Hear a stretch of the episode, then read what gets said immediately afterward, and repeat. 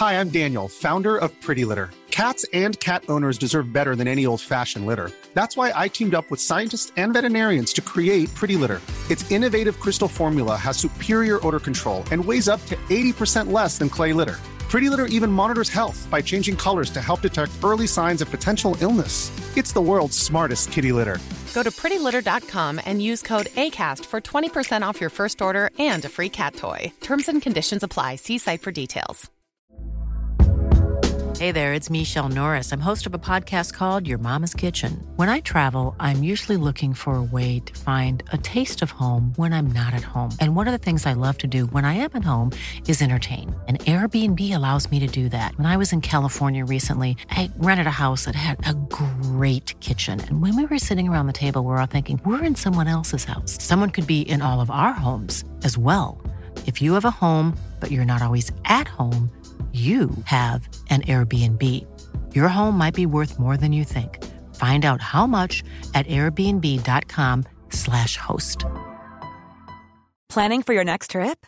Elevate your travel style with Quince. Quince has all the jet setting essentials you'll want for your next getaway, like European linen, premium luggage options, buttery soft Italian leather bags, and so much more. And is all priced at 50 to 80% less than similar brands.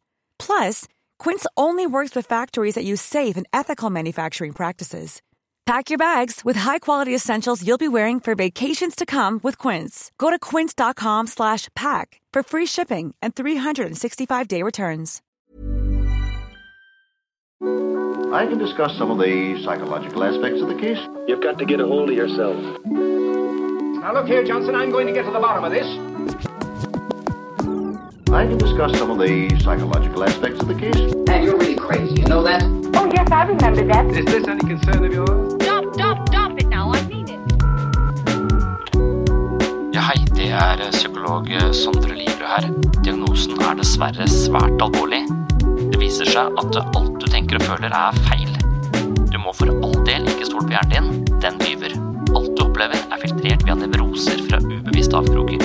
Hvis du følger nøye med, er det en liten mulighet for at jeg kan hjelpe deg. I discuss some of the I discuss some of the I discuss some of the psychological aspects of the case. Ja, velkommen til eh, ny episode her på Sinnsyn. Denne gangen er det meditasjon og mindfulness som står på programmet nok en gang. Det husker jeg i hvert fall at jeg snakket om tilbake i episode ni, og jeg tror jeg har nevnt det ved jevne mellomrom også i ulike episoder. Mindfulness, meditasjon, litt sånn Østens psykologi, har eh, veldig mye ved seg, men det er også litt vanskelig å forklare hvorfor man skal sitte og puste og konsentrere seg om pusteankeret og lukke øynene i lotusstilling, og hvordan det egentlig skal hjelpe oss å løse hverdagslivets eh, små og store utfordringer. Men her er det mange interessante sammenhenger, derfor skal vi tilbake til eh, mindfulness i dagens episode. Noen mener at mindfulness er summen av buddhistisk meditasjon. Mindfulness er rett og slett eh, et sett med øvelser for å trene opp våre mentale muskler, men mindfulness er også en holdning til livet som gir mer ro og balanse i en stressende hverdag. Å lære seg mindfulness kan være en god investering i eget liv. Det kan ikke raskt løse alle våre utfordringer, men snarere i en slags styrketrening for psyken som på lengre sikt vil øke livskvalitet på mange områder. Det viser seg at mindfulness kan øke både sosial intelligens, emosjonell intelligens og gi oss mer ro og tilstedeværelse i eget liv. Til syvende og sist kan man kanskje oppnå mer med mindre stress.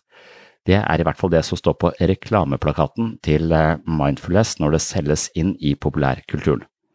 Så det er også mange gode grunner til å interessere seg for mindfulness, og vi skal altså igjen dykke ned i hva er det ved mindfulness som er så helsebringende.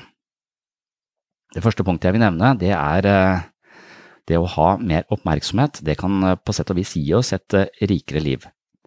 Meditasjon og oppmerksomhetstrening, som det også kalles, er altså en praksis med røtter i de østlige visdomstradisjonene. Her er mye av poenget å gjenvinne en slags tilstedeværelse eller livsbevissthet. Det handler om å oppøve oppmerksomt nærvær, og mange vil hevde at resultatet av en meditasjonspraksis er et rikere liv. mer mental balanse, mer selvbevissthet og mindre jag etter eh, falske former for lykke i egoets utrettelige tjeneste. Det er også ja, mer oppmerksomhet, og det er vel Poenget er at vi veldig ofte går på autopilot og gjør det vi alltid har gjort, tenker det vi alltid har tenkt, og at vi har litt sånne smale fortolkningsrammer, at vi har noen bokser som vi hele tiden prøver å plassere verden inn i, sånn at vi ser den eh, på et litt sånn snevert vis, og reagerer også da litt snevert. Så det å ha litt eh, mer eh, rom i seg selv, det å ha en slags større oppmerksomhet som kan uh, av og til koble inn og si at oi, her reagerer jeg akkurat sånn som jeg er, oi, nå ble jeg typisk veldig frustrert og sint i denne situasjonen osv. Det handler om å gi hva skal jeg si, piloten inni hodet vårt litt mer uh, bestemmelsesrett, litt mer oversikt, litt mer makt, sånn at vi ikke eh, fanges av følelsene eller alle disse gamle mønstrene og uvanene vi har en tendens til å gå i. Og veldig ofte så går vi egentlig glipp av hele livet fordi vi bare går på autopilot, og så har vi spist tre boller uten å legge merke til det, og det eneste vi har oppnådd er eh, å komme litt nærmere diabetes type 2. Men ved et litt mer eh, oppmerksomt fokus, litt mer tilstedeværelse i livet, så spiser vi kanskje bare én bolle, men den kvaliteten på den bolla er også da langt større hvis vi legger merke til at vi faktisk spiser en bolle. Så det kommer jeg tilbake til litt senere i episoden, dette med oppmerksomt nærvær. Så er det også eh, kampen mot eh, bekymring og hverdagslivets stress da, som står på jeg si, disse reklameplakatene for eh, mindfulness, som har blitt en ganske sentral del av populærkultur. Det har også kommet fra Østen. Det var assosiert med religion, men det har ikke så mye med religion å gjøre. Men det er veldig vanlig at religiøs praksis har implementert ulike meditasjonspraksiser. Så vi har det nok derfra, men i senere tid har det blitt forsket mye på dette, og man finner ut at eh, mindfulness hjelper for nesten alt mellom himmel og jord. Det er eh, nesten litt eh, merkverdig, men etter hvert så skjønner vi også hvorfor. Ja, så Det heter seg at mange mennesker bruker mye tid på å unngå psykisk ubehag. Det har jeg messet om ganske mange ganger på denne podkasten også. Vanskelige følelser og vonde erkjennelser lurer i skyggen av vår bevissthet, og altfor ofte er strategien å løpe fra seg selv. Noen drikker alkohol, noen jobber døgnet rundt, noen isolerer seg, noen sitter på internett hele dagen, mens andre bruker medisiner for å føle mindre. Livets ubehag er noe vi alle møter. Når vi forsøker å løpe fra det, kan det hende vi skaper større problemer på sikt. Kanskje er det nettopp denne flukten vi kaller stress på folkemunne. Følelsene er som livskompass, og hvis vi ikke våger å lytte til egne følelser, mister vi lett kursen i eget liv. Mindfulness er på mange måter en praksis som styrker vår evne til å orientere oss etter vårt indre kompass. Mindfulness er med på å styrke den egenskapen som Daniel Siegel kaller for mindsight, og jeg kaller for sinnssyn, da. Det er jo åpenbart, det er jo det podkasten heter, og det har jeg altså fra Daniel Siegel som kaller det for mindsight. Så istedenfor å fanges av automatiske tanker, destruktive følelser eller hverdagslivets stress, klarer man å hvile som en observatør snarere enn et offer for mental støy. Så det er også inspirasjon til denne podkasten, altså styrke vår evne til sinnssyn, hvile som en observatør, sånn at vi forstår hva som foregår inni vårt eget eh, hode. Av og til så sammenligner jeg dette med en maurtue, altså en maurtue ser fryktelig kaotisk ut hvis du ikke forstår noe om maur, og for å forstå noe av maurs atferd, så må du jo undersøke det, og det er det forskere som har gjort, og da tror jeg de har sittet og glodd på maurtuer i timevis, kanskje ukevis, kanskje månedsvis, og etter hvert så oppdager de noen mønstre i hvordan folk, eller maur, oppfører seg. Noen holder vakt, noen henter mat, noen eh, er eh, arbeidsmaur, altså de har forskjellige oppgaver, og de er også tilsynelatende veldig kaotisk, men egentlig et ganske godt eh, system. Og på samme måte kan vi ha det litt med vår eget eh, hode, eller vårt eget indre liv, at det kan være fullt av tanker og følelser som skyter i tide og utide, som en kaotisk maurtue, og hvis vi bare prøver å distrahere oss og løpe fra oss selv, så vil vi ikke forstå sammenhengen i alt dette kaoset, og vi vil heller ikke klare å lage noe bedre sammenheng enn det som var der fra før. Så istedenfor å løpe fra dette. Altså det som Ja, det er naturlig at uh, følelser kan være smertefulle osv., så, så vi har en slags naturlig tilbøyelighet til å prøve å unngå det. men isteden så foreslår man at man skal hvile som en nøytral observatør, altså prøve å ikke vurdere det som dukker opp av tanker og følelser, ikke tenke å nei, sånn må ikke være, nei, nå må jeg huske det, bæ, bæ, bæ. Altså du er på tankekjørets eh, berg-og-dal-bane på sett og vis, hvor du tenker at du, ja, du er mer i en handlingsmodus hvor du tenker at du må følge tankene eller huske på det osv., så, videre. så er mindfulness praksis, det handler om å hvile som en observatør, sånn at du faktisk får med deg hva som, hva som skjer der, uten å dømme det på, på noen måte. Og hvis du gjør det som en uh, formell praksis, så vil du trene opp den delen av hjernen som handler om å observere sitt eget sinn, også den noen kaller det kapteinen, altså bli, eh, få et sterkere eh, blikk for seg selv. Og det sterkere blikket, det vil også da være mentale muskler du kan koble inn når eh, vi blir overvelda i andre situasjoner. Så det å styrke oppmerksomheten sin for å rett og slett ikke få bekymring og stress rett i hjertet eh, hver dag, det er en vesentlig del av eh, det å meditere, og en av de mest helsebringende effektene ved det å meditere. For hvis du klarer å dempe det stresset litt grann, og gi mer rom til det, ikke snu seg vekk og unngå det eller distrahere seg selv fra det, eller dissosiere fra det. Noen tror at mindfulness handler om å snu seg vekk og, og, føle mindre eller koble seg ut av verden, så handler dette om å koble seg på og være til stede der man er, istedenfor å være fanget av eh, alle bekymringer, alle 'det burde jeg gjort', 'hva skulle jeg gjort', 'hva tenker de hvis jeg gjør sånn og sånn', 'hvis jeg ikke gjør sånn og sånn', bla, bla, bla, bla, bla. Altså at vi hele tiden er en slags sånn kontemplerende kamp, da, istedenfor å faktisk få med oss det som skjer på vår hjemmebane på innsida. Jeg har også eh, i eh, tidligere kurs om mindfulness, så har jeg også snakket en del om mindfulness og foreldrerollen. Og spesielt dette da med mindsight er rett og slett altså vår evne til å se innover, slik at vi kan forstå eh, vårt indre liv med mer klarhet, integrere hjernen og styrke våre relasjoner til andre. Mindsight er en form for fokusert oppmerksomhet som tillater oss å se det interne arbeidet i vårt eget sinn. Det hjelper oss å komme ut av denne autopiloten inngrodd atferd og vanemessige responser. Mindsight, eller sinnssyn som jeg kaller det, gir oss evnen til å sette navn på følelser, avsløre repeterende negative tanker og dermed oppnå mer kontroll og balanse i møte med livets utfordringer. Mindsight er også utgangspunktet for empati, og som foreldre er mindsight selve broen inn til barnet. Når vi selv er i balanse og har en god kompetanse på eget indre liv, er det et eh, avgjørende utgangspunkt for eh, empatisk innlevelse i barnet.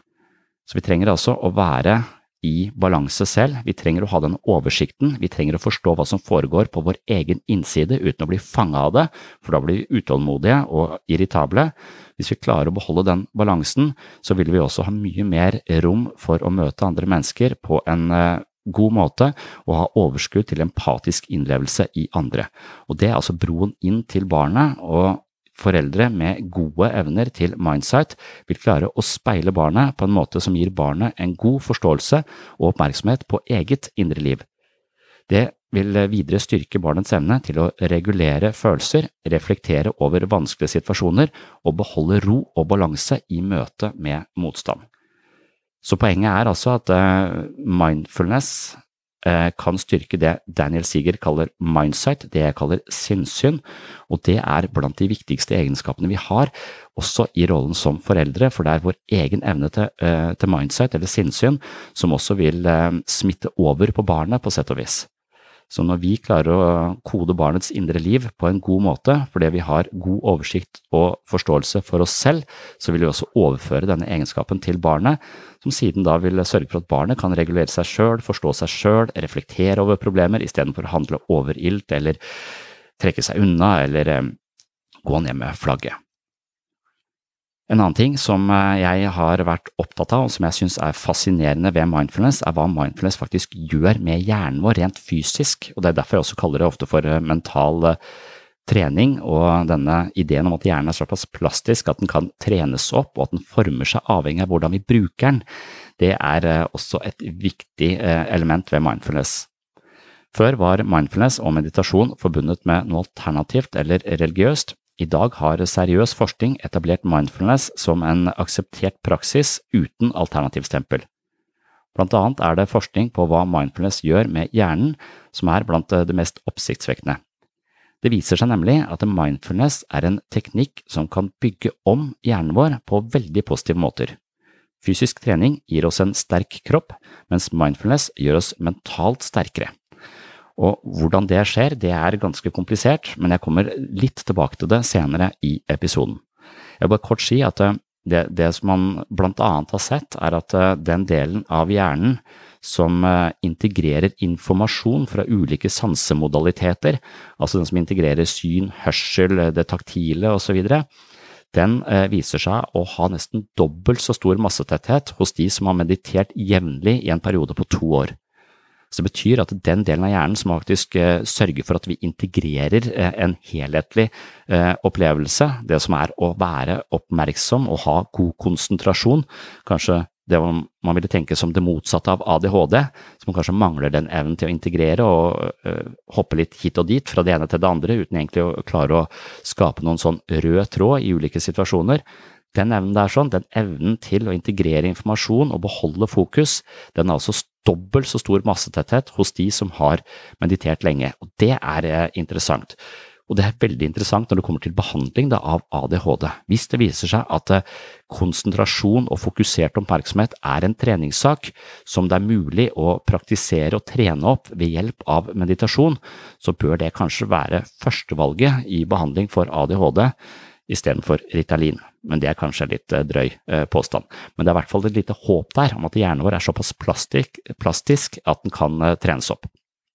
Man ser også at den delen av hjernen som koder for empati, altså speilnevroner, øker hos mennesker som har meditert lenge. Så Det betyr ofte at de blir mer sosialt kompetente, de kan forstå andre mennesker fra innsiden, og de har en større mm, medfølelse for andre fordi de har en større forståelse for andre. Og én ting er å ha det for andre, men mange av de menneskene jeg møter har jo ganske negative oppfattelser av seg selv, så hvis de kan bruke noe av denne empatien man eventuelt opparbeider seg i meditasjon på seg selv, så ville det være en enorm helsegevinst for mange av de menneskene jeg kaller psykopater, ikke fordi de er slemme mot andre, men fordi de er forferdelig slemme mot seg selv. Så da er vi over på et punkt som jeg har kalt for mindfulness og sosial intelligens altså evnen til å se seg selv utenfra og andre innenfra, er viktig for våre relasjoner, og det er viktig for vår sosiale intelligens. Det viser seg at mennesker med meditasjonserfaring er langt bedre enn andre til å lese ansiktsuttrykk. De som mediterer, utvikler etter alt å dømme sine mellommenneskelige sensitivitet, Altså, de får en større grad av mellommenneskelig sensitivitet, en bedre oversikt, de ser det som foregår mellom mennesker i litt bedre oppløsning. Så Paul eh, Ekman han er ekspert på følelsespsykologi, og han vet at eh, de som er gode til å gjenkjenne subtile følelser i ansiktsuttrykk, er mer åpne for nye opplevelser, mer interesserte i omverdenen, tryggere på seg selv og mer nysgjerrige. Så gjennom meditasjon kultiverer man både åpenhet og oppmerksomhet, og Ekman trodde at eh, lang erfaring med meditasjon ville gi seg utslag på hans eh, tester. Og han hadde rett. Meditasjon det øker vår sosiale intelligens. Og Det vil eh, blant annet si at vi er, som man sier, mer åpne. De kategoriene, når vi møter nye mennesker, så vil vi ofte se enkelte elementer ved de menneskene, kanskje hvordan de ser ut, kanskje hvordan de sier de første setningene sine, kanskje tonefall osv. Så, videre. så assosierer vi det med noen mennesker vi har møtt tidligere, og så plasserer vi de da, nye menneskene, i samme bås ganske raskt. Og vi mener, for, for å egentlig ha en slags oversikt og kontroll i situasjonen, hvem er dette mennesket? Jo, det ligner det mennesket jeg møtte for ti år siden. Dette er ikke noe man bevisst gjør gjør, men så begynner man å tillegge dette eh, mennesket egenskaper det ikke nødvendigvis har. Så, så vi, vi, vi, er veldig farga i møte med eh, andre mennesker, eh, og det er fordi vi er litt redd for å miste kontroll, og vi trenger å ha en viss oversikt, og vi liker forutsigbarhet.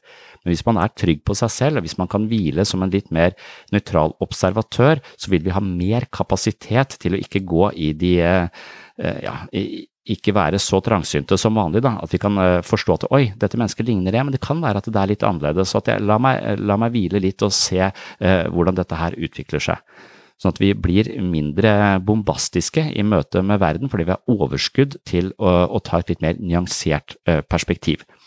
Det vil være det motsatte av svart-hvitt-tenkning, ikke sant, hvor man Eh, enten ser personen som helt fantastisk og ignorerer alt det som måtte være negativt, eh, ved en type sånn å holde det, det ubehagelige eh, ute av, av syne og idealisere folk. Men når de da gjør noe som ikke er helt i tråd med det vi hadde forventa, så kan vi komme til å devaluere de og se de som helt udugelige, helt svarte. Sånne svart-hvitt-dynamikken er det motsatte da, å ha en slags mindful og mer skal si, et, en, en, litt større oppmerksomhet på det som foregår eh, eh, foran oss. Og da vil vi også se flere nyanser i andre mennesker, og det gjør oss en bedre vurderingsevne, og det gjør oss mer fleksible eh, måter å være med andre mennesker på, for det var en større og mer nyansert forståelse. Så det er både det vi kalte uh, sosial intelligens vil uh, på sett og vis styrkes, men emosjonell intelligens vil også styrkes, ifølge flere studier. Så emosjonell intelligens det er altså evnen til å oppfatte egne og andres følelser, skille mellom dem og bruke denne informasjonen i tenkning og handling. Hvis følelsene forstås som et slags eksistensielt navigasjonssystem, vil ekspertise på dette området være verdifullt. Det kan øke vår emosjonelle intelligens, noe som videre vil påvirke vårt forhold til oss selv og andre mennesker på en berikende måte. Det viser seg at eh, en av effektene ved mindfulness er økt emosjonell intelligens, noe som eh, representerer nok et viktig argument for å engasjere seg i meditasjon. Noen kaller mindfulness for eh, oppmerksomhetstrening. Det er ulike øvelser som styrker det vi kan kalle oppmerksomt nærvær. Mindfulness meditasjon er også en praksis som fokuserer på det uløselige forholdet mellom kropp og sinn. En slik praksis handler i første rekke om å være til stede i kroppen og dermed oppleve øyeblikket fullt ut. Det handler om å unngå eh, tanker som vandrer til ubehageligheter fra fortiden. Det kaller vi ofte depresjon eller bekymringer for fremtiden, som ofte da er en form for angst, og isteden forankre seg i øyeblikket og være til stede her og nå. Og det har virkelig gått opp for meg hvor eh, mye jeg hele tiden planlegger og skal eh, komme meg gjennom det ene og det andre for å bare komme til et sted i fremtiden hvor jeg anser at det skal være bedre enn der jeg er akkurat nå, noe som gjør at jeg går glipp av alt som skjer akkurat nå, og det er jo akkurat nå livet leves, så det er jo på sett og vis å gå glipp av hele livet. Så bare det å barn da, skulle gjennom leggeritualet og bare komme meg gjennom det, pusse tennene, bla, bla, bla, bla, bla. Mens eh, nå, på min tredje, så, mitt tredje barn, så har jeg skjønt hvor eh, verdifullt øyeblikkene er. Og hvis jeg krangler med øyeblikkene og hele tiden skal forbi de, så, eh, så bruker vi lengre tid i øyeblikkene også. Så, så, nå har jeg begynt å være til stede når de pusser tennene. Og det å se en fireåring stå og synge ved å bruke tannbørsten som mikrofon og vrikke på rumpa, det er ikke noe de vil forbi, det er helt fantastiske øyeblikk som du bare må, må nyte der og da. Se disse små, skjønne menneskene istedenfor å jage de videre. Nå skal vi se, nå skal vi lese boken, nå skal vi bla, bla, bla. Så ja, jeg har eh, innsett at jeg har gått glipp av mye ved å hele tiden være og skulle noe der framme. Det betyr ikke at vi skal unngå å planlegge, jeg vet jo hvor vi skal, vi skal jo legge oss uh, på sikt, men det, det, trenger ikke å bruke all uh, tid akkurat her og nå til å jage videre. Jeg kan også være til stede her og nå og se det som foregår foran meg, og da får det en helt annen kvalitet, altså. Så noen opplever hverdagslivets mas som en evinnelig karusell av krav og gjøremål. Mindfulness lærer oss at opplevelsen av livet som et anstrengt jag handler om en grunnleggende misforståelse. Denne misforståelsen er enkel og komplisert på samme tid. Vi vet det, men likevel lever vi livet på altfor høy puls. Så det å være til stede eh, her og nå, det er også denne Ja, vi, vi det, det er vanskelig, fordi vi ofte har et ego som hele tiden kritiserer oss, eller som hele tiden sier at dette som er nå er ikke bra nok, du kan få det sånn, du burde gjort det sånn, du, hva tenker de om deg nå, ikke sant, så du har dette mentale støyet som blant annet Eckhart Tolle kaller det, og vi identifiserer oss med disse tankene. Så det å hvile som en observatør til sitt indre liv, så vil man langsomt få en slags erfaring på at alle de tankene som dukker opp, de skravler i ett jævla kjør, men de er jo ofte et ekko fra samtaler vi har hatt tidligere som ikke gjelder i disse situasjonene. Det er også folk som har kritisert oss tidligere, som vi nå har adoptert stemmen til og kritiserer oss selv med, sånn at det, eh, sånn at det å hvile som observatør til dette mentale støyet, til den maurtua, den indre maurtua, og begynne å skape litt orden og si at de stemmene der, de gidder jeg ikke høre på, for det de kommer fra ungdomsskolen, hvor de på røykehjørnet alltid banka meg på vei hjem fra skolen, og de fikk meg til å tenke at jeg er mindre verdt enn andre, og den stemmen har jeg nå tatt til meg, og den kritiserer meg i enhver situasjon. Så, så, det å hele tiden være, identifisere seg med tankene, det gjør at vi er fanga i livet vårt istedenfor å hvile som en slags observatør og ha litt større rom. Så det handler jo om å å avsløre en del av disse livsfellene som eh, tankene våre iverksetter ved å være bekymra for at nye folk skal eh, banke deg bak eh, meny når du er eh, voksen og skal ned og handle. Du vet jo at det ikke står noen folk bak der og skal banke deg, det var eh, ungdomsskolen, men det å være da skeptisk til andre og gå litt og være på vakt, det er tankene våre og erfaringene våre som, eh, som iverksetter. Og når det da er misvisende, ikke trenger å ha den samme alarmberedskapen, så, så får vi mye smerte og anstrengelse inn i livet som vi ikke nødvendigvis hadde trengt å ha. Og det avslører denne typen dynamikk, det gjør man jo i psykoterapi, men man gjør det på en helt annen måte i mindfulness. Det er en mental trening som sørger for at vi får de mentale musklene som skal til for å skape et større rom i oss selv til å beholde en mye større grad av ro og tilstedeværelse i livet. Så eh, snakker jeg også ofte om mindfulness og ulike bevissthetstilstander. En godt trent idrettsutøver kommer raskt opp i høy puls for å yte maksimalt, men også raskt ned i hvilepuls etter høy aktivering. Hjernen fungerer også på en slags eh, elektrokjemisk puls, og mindfulness er en form for trening hvor man trener opp sin mentale puls. Bekymring, angst, stress og uro fanger oss i mentale tilstander som sliter oss ut både psykisk og fysisk. På dette området viser det seg at mindfulness har noen fantastiske egenskaper. Hjernen opererer på forskjellige frekvenser i ulike bevissthetstilstander fra våken tilstand til drøm og dyp søvn.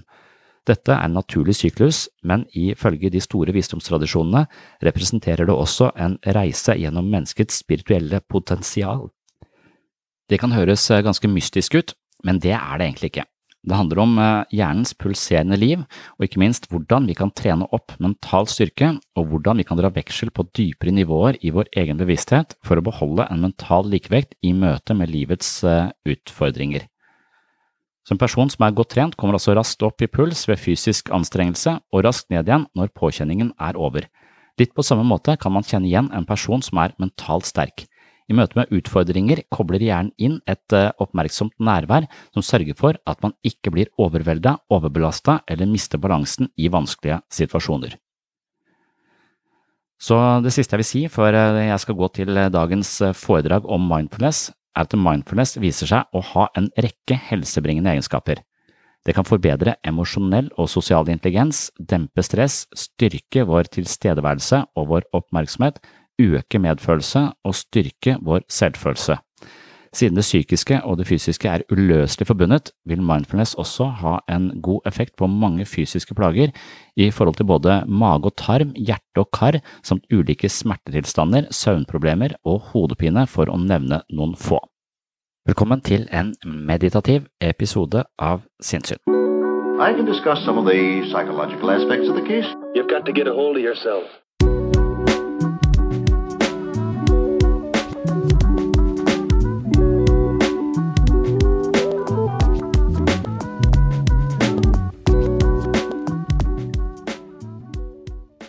Welcome to this body scan meditation guided by a supremely unenlightened mortal. Sit down comfortably on a chair or on the floor or a cave in the Himalayas. Your back should be straight yet comfortable. You may be wondering if that is even possible. Keep wondering. Now close your eyes. Relax your shoulders.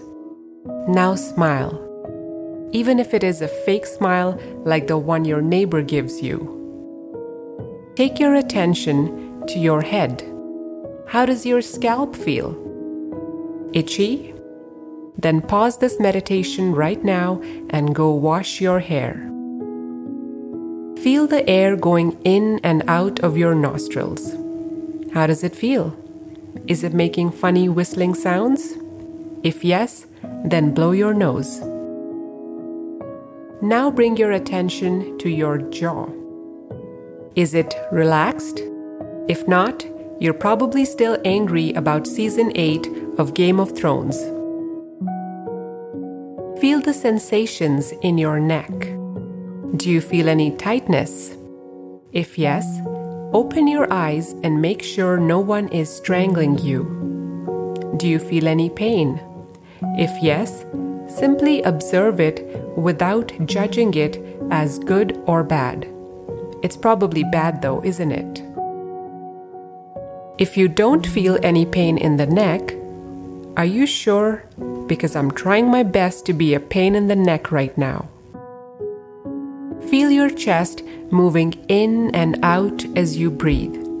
Can you hear your heartbeat? Tuk tuk, tuk tuk, tuk tuk.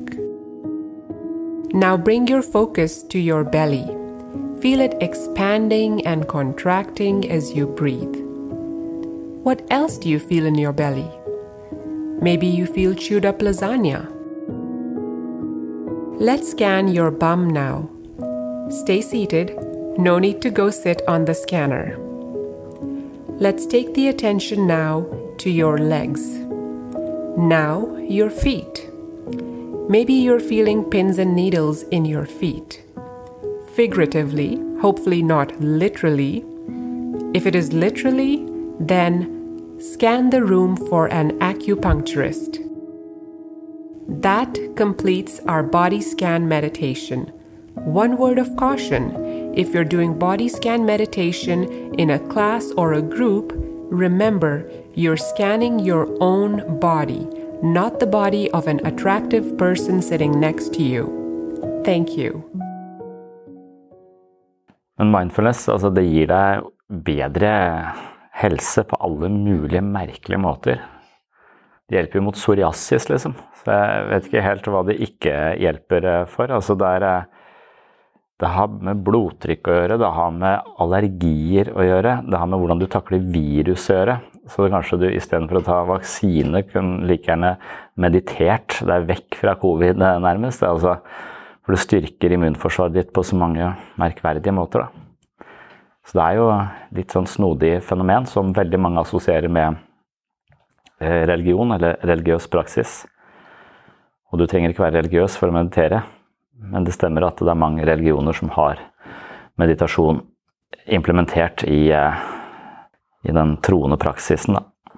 Det er et eller annet med det fenomenet der som vi sannsynligvis bør eh, ta inn over oss og, og lære oss. Og det, det handler jo mye om det samme som vi har snakket om de siste, de siste gangene her. At det, vi har et slags galopperende hode som genererer ideer og tolkninger hele tiden. og Bare nå har vi sittet en time og tolka ting helt forskjellig. Altså det er snakk om situasjoner hvor jeg ville, ville, se på ting helt annerledes enn de menneskene som er rundt meg, tolket den samme, samme situasjonen. Så fortolkningsapparatet vårt, det kan du ikke stole på. Det er det jeg prøver å si hele tiden, at alt du tenker og føler er, er feil. Det betyr ikke at du ikke skal kunne handle på noe av det som foregår, men, men du bør vite at det sannsynligvis bare er en del av det hele, hele bildet. Men det å komme litt Det å være Det å vite at hodet er en maskin som genererer bilder og ideer og selvfølelse og alt sånt noe.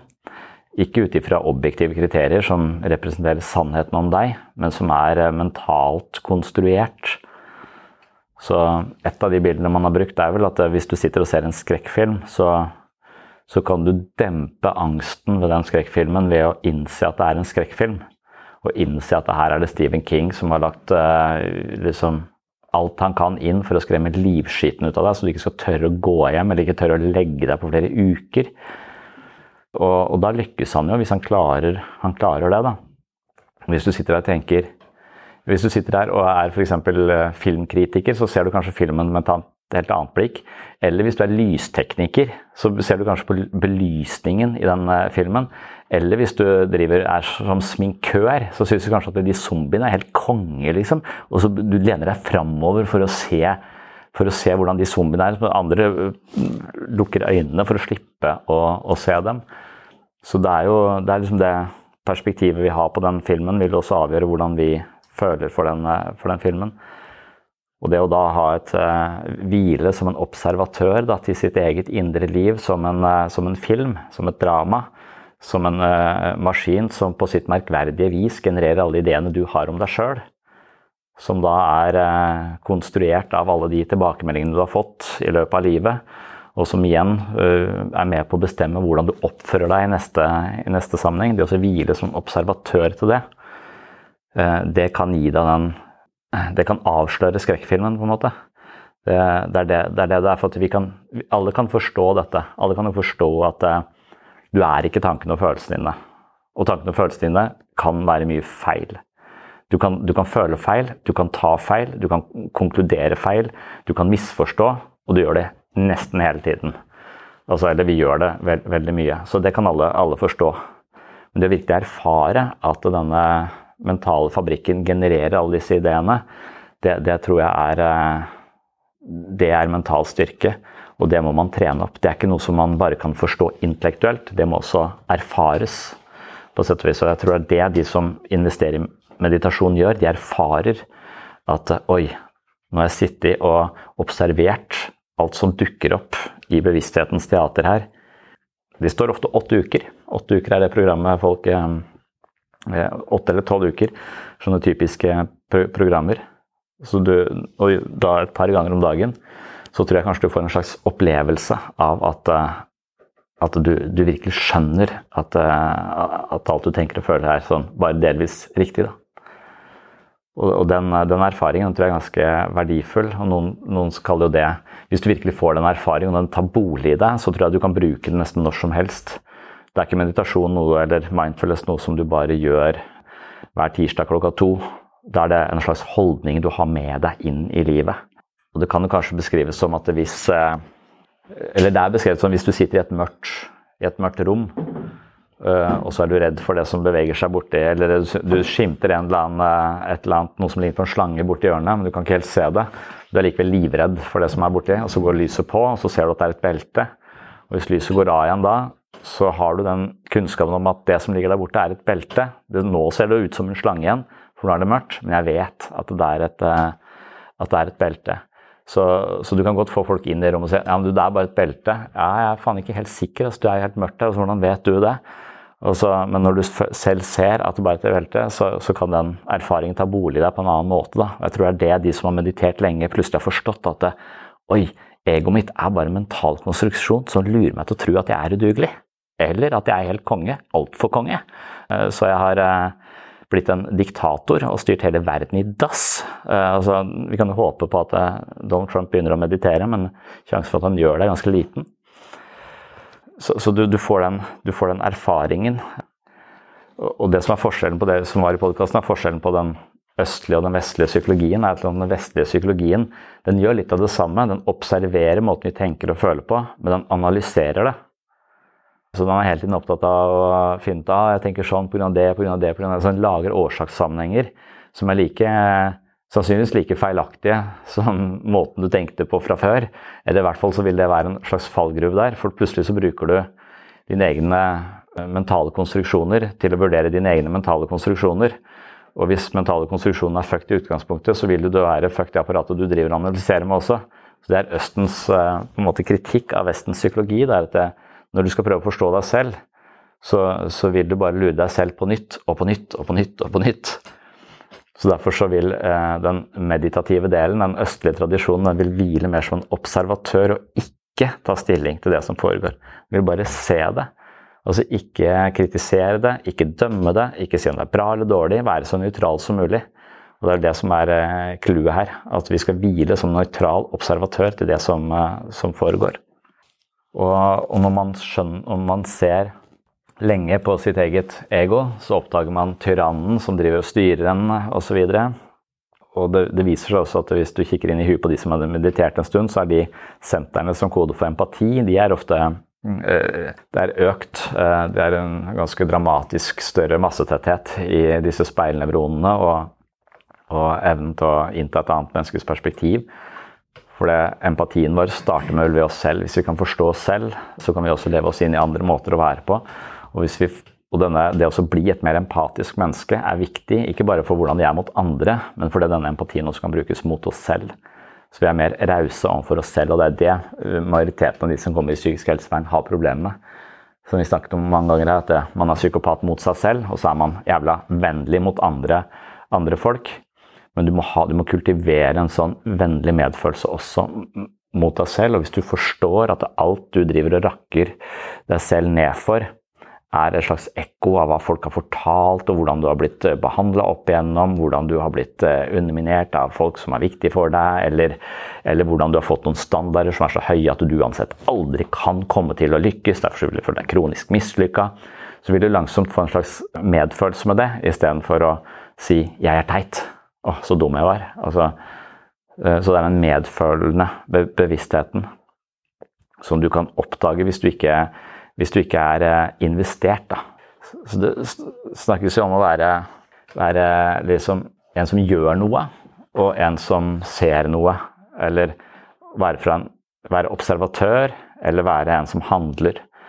Noen snakker om at det, er en modus som er væren, og det er en modus som er å gjøre. Og, og for meg så er det ganske tydelig hvor, hvor, hvor, stor forskjell det er på de to tingene. For jeg kan være når jeg gjør noe, altså når jeg, det kan være å tenke.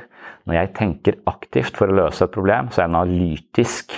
Og jeg driver og veier og måler ting. Jeg veier og måler ting opp mot hverandre. Jeg ser er det bra, er det dårlig, er det bedre enn det, burde jeg ta det, burde jeg gjøre sånn. Og, og, da er jeg investert på en ganske sånn slitsom måte, og det tar veldig mye mental energi fra meg. Så det å løse problemer, det er jo som å um, løfte stein, liksom. Er, eller, eller snekre et hus. Det bruker masse, masse krefter på å løse, uh, løse problemer. Så, og, og, sånn kan man være. Og, og, hvis man hele tiden er sånn i, i ulike situasjoner, så vil man synes de det jeg sa var riktig, synes de det var fint, synes de det var dumt, burde jeg gjort sånn, burde jeg gjort sånn, burde jeg gjort sånn. Så, så er du jo på, da har du en fulltidsjobb gående. Bare hvor egentlig, Du kan sitte helt stille i et møte og ha en fulltidsjobb gående uten at du sier noe i tillegg så får du ikke med deg hva de andre sier i det møtet. Så, så du er liksom Du er virkelig altså, du, er, er eh, er overarbeida uten å få gjort en dritt. Noe, noe, som ikke er helt uvanlig. Så istedenfor å være eh, lyttende til stede og observere det som foregår, så er du i en sånn gjøre-modus. Og Hvis man er i en gjøre-modus hele tiden, så tror jeg man blir utbrent. Så værenmodus, dvs. si å være mer ikke, ikke nødvendigvis måle, veie analytisk til det, men være mer egentlig kobla på med hele seg. Det virker som det er en stor misforståelse at mindfulness handler om å koble seg ut av ting. Noen, altså, det er fortrengning, det. Eller dissosiasjon. Altså Mindfulness er det motsatte av å koble seg ut eller, eller uh, fortrenge ting. Eh, det handler om å koble seg på og være til stede der og da, og ikke sånn analytisk hvis det skjer, det skjer, det skjer, eller langt der framme eller langt der, der, borte. Bare være til stede i det som, det som, skjer. Men med en gang vi er redde, så tror jeg vi kobler på analytikeren og alarmberedskapen, og så er vi på full eh, jobb. Vi klarer ikke å være eh, hvile som en observatør til, eh, til disse tingene. Jeg, for meg så har dette vært litt teori, og så har jeg også prøvd å meditere så mye jeg klarer, og så har det blitt litt mer Når jeg eier litt mer og jeg kan eie det Ja, det er fotball som er livet mitt, liksom. Det er ikke fordi jeg er så jævlig opptatt av fotball, det er fordi jeg er to til tre barn som spiller fotball hele tiden, så jeg er på fotballkamp hver eneste dag. Og, og det å observere, hvile som observatør, bare ta inn kampen kontra 'Vi skal vinne! Vi må, kom igjen, gjør det!' Altså, jeg får hjerteinfarkt av den ene modusen. Og jeg får, uh, får en slags uh, takknemlighet av den andre, andre modusen. Og jeg merker det i fotballkampen. Jeg kan gå inn og ut av det. Men jeg har lyst til å være litt sånn Kom igjen nå! Og jeg har lyst til at vi skal Jeg syns det er gøy å vinne. Jeg syns det er gøy å spille bra. Jeg syns det er gøy å, gi, å analysere spillet. Det er en del av det. Men det gir meg også jeg, jeg tenker alltid at fy faen, så sliten som jeg er nå etter denne kampen, hadde jeg aldri vært hvis jeg hadde spilt den sjøl. Det er som om jeg bare bruker så mye. Men så kan jeg også da space ut og, og, få med meg kampen på en annen måte. hvor Jeg er ikke sånn analytisk, men jeg bare tar det inn, det som er, uten å ville at vi skal vinne på død og liv, eller måle de på død og liv. Bare observere det som foregår, som er en annen. Så jeg kan ta de pausene, merker jeg. Og, og, og, da tenker jeg at det kan være noe jeg har kanskje plukket opp i en sånn det lille jeg har fått med meg av meditasjon. Og så er det en annen ting som virkelig har fått meg til å tenke altså, Jeg har snakket om de VR-brillene jeg har. Har dere hørt om de? Jeg har noen sånne briller som jeg tar på, på hodet, og så kan jeg teleportere meg rundt i hele verden. Så, så, og det er jævla god grafikk. Det er som å liksom være det. Så jeg ser rundt meg, så sitter jeg liksom Så, så jeg kan være i Bermuda, eller jeg kan være på Seychellene, eller jeg kan være i en eller annen gudsforlatt landsby i Romania. Og det å gå rundt i disse gatene det, det, som, det, som, slår meg, det som jeg syns har vært rart med de brillene, er at jeg husker det bedre enn alt annet som skjer i livet mitt. Jeg, jeg, kan, jeg har mentale bilder av disse gudforlatte plassene i Romania. Jeg, kan, jeg ser byen i detalj. Jeg ser, ser, jeg ser liksom eh, jeg vet hvordan gardiner det henger i huset oppe i svingen. Jeg vet det treet som står i enden av den gata. Jeg har ræva hukommelse. Mens i de brillene så er det som om de, de, de, Jeg kan ikke gjøre det mer enn ti minutter, for det er så enormt sterke inntrykk for meg. Og det er jo egentlig bare som å være på et sted, men jeg er på det stedet uten all alarmberedskapen. Jeg er på det stedet uten å tenke 'hvor skal jeg neste gang', og 'vi må snart spise', eh, 'vi må finne hotellet'. Hvis jeg er på reise, så er det så mye styr som, som, som er i gjøremodus. Så jeg vil ikke oppleve det stedet jeg er på, sannsynligvis. For jeg må, hvor er barna nå? Jeg må passe på Hvem er som bor der? Han er sikkert liv, livsfarlig. Det der ser sinnssykt ut, det huset der sånn. Når vi går en annen vei, dere. Så jeg, er, jeg, vil, jeg vil ikke få med meg det stedet jeg er på, sånn som jeg gjør det i de brillene. Jeg, jeg dømmer det ikke, jeg, jeg, bare observerer det. Jeg er en nøytral observatør. Jeg flyter rundt i verden og bare ser den uten å være fanga av den. da. Og, jeg lurer på om det er fordi at jeg i, den, er i denne mer værende modusen, observerende modusen, og de inntrykkene er ekstremt mye sterkere. En, eh, det er liksom sånn, Hvis du er i gjøremodus hele tiden, så, så, vil du spise tre boller uten å legge merke til det mens du jobber. Mens hvis du, hvis du virkelig er til stede, så vil du kanskje sette pris og velge den maten som, og kjenne etter på hvordan den smaker osv. Det er litt det som skjer i disse, disse VR-brillene, at jeg kan oppleve verden uten den der kontinuerlig monitorering av analysen og bekymringen som, som hele tiden uh, foregår. Og jeg tror vi sparer så ekstremt mye krefter uh, på det at hvis vi klarer å være mer i en sånn hvilende til stede her og nå, ikke tenke på konsekvensen av hva vi kommer til å si eller hva vi burde si eller hva vi skulle ha sagt i stad, men være til stede der, Eh, eh, så tror jeg vi eh, bruker mye mindre energi, og derfor så får vi også med oss det som foregår på en annen måte. Så det er å connecte inn, det er å melde seg på verden istedenfor å, å, å stå og spinne på et eller annet sånn 3D-mølle inni ditt eget mentale maskineri som gjør det helt utilgjengelig for, for verden. Så noen sier at de liksom mediterer seg ut av ting, ut av verden. Det vil være dissosiasjon. Det er det motsatte av meditasjon. på sett og vis. Det er ikke det er en slags misforståelse av mindfulness at man, at man, kan koble seg vekk fra ting. Man kobler seg rett og slett på de. Og, og jeg tror det er en, eh, en, en treningssak, da. Det er, det er, på depresjon eh, det har ofte mest, eh, mest effekt. Da, for det, altså, hvis du har hatt en depressiv episode, så er sjansen for at du får en depressiv episode til i livet ditt ganske høy. Men hvis du da Altså du kan gå på antidepressiva, eh, og det kan jo forebygge det eh, til en viss grad. Eller du kan også eh, drive med meditasjon, så, så er det altså den der Sjansen for tilbakefall går fra 68% til 30% hvis du mediterer aktivt. da.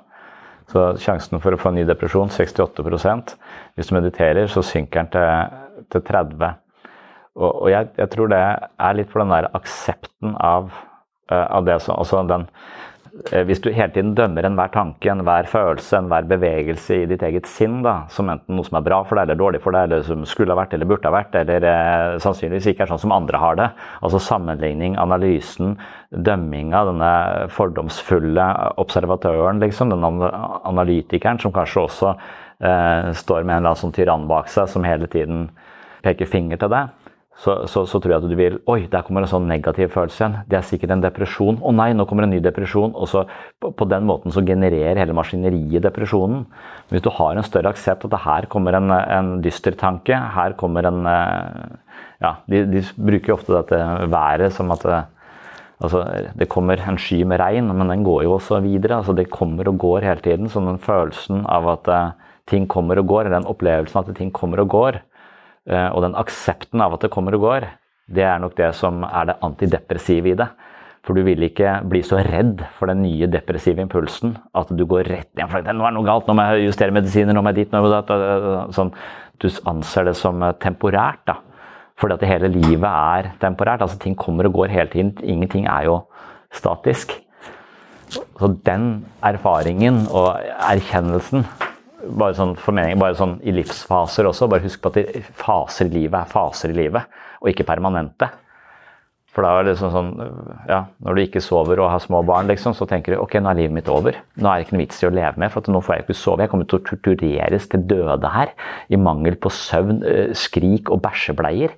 Altså, Hvis ikke jeg skyter meg sjøl, så må noen andre gjøre det. For nå, nå, går det ikke lenger. Altså, Den tanken kan jo dukke opp en natt når du står der eh, og en, en baby i armene som, eh, som skriker.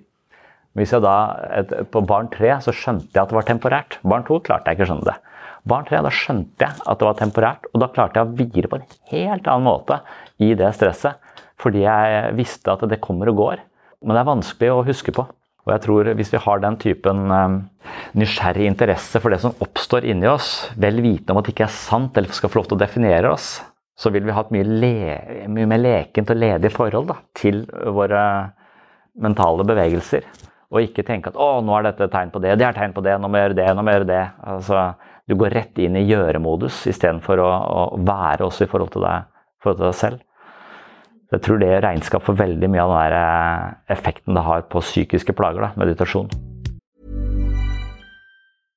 This is Paige, the co-host of Giggly Squad, and I want to tell you about a company that I've been loving, Olive and June. Olive and June gives you everything that you need for a salon quality manicure in one box. And if you break it down, it really comes out to $2 a manicure, which is absolutely insane. It's also so easy to get salon worthy nails at home with Olive and June. The difference between how your nails used to look when you did them yourself and now with the Manny system is a complete game changer. The best thing about Olive and June too is it's a quick dry, dries in about one minute, lasts for five days, and full coverage in up to one to two coats. Visit oliveandjune.com slash perfect Manny 20 for 20% off your first system. That's oliveandjune.com slash perfect Manny 20 for 20% off your first system.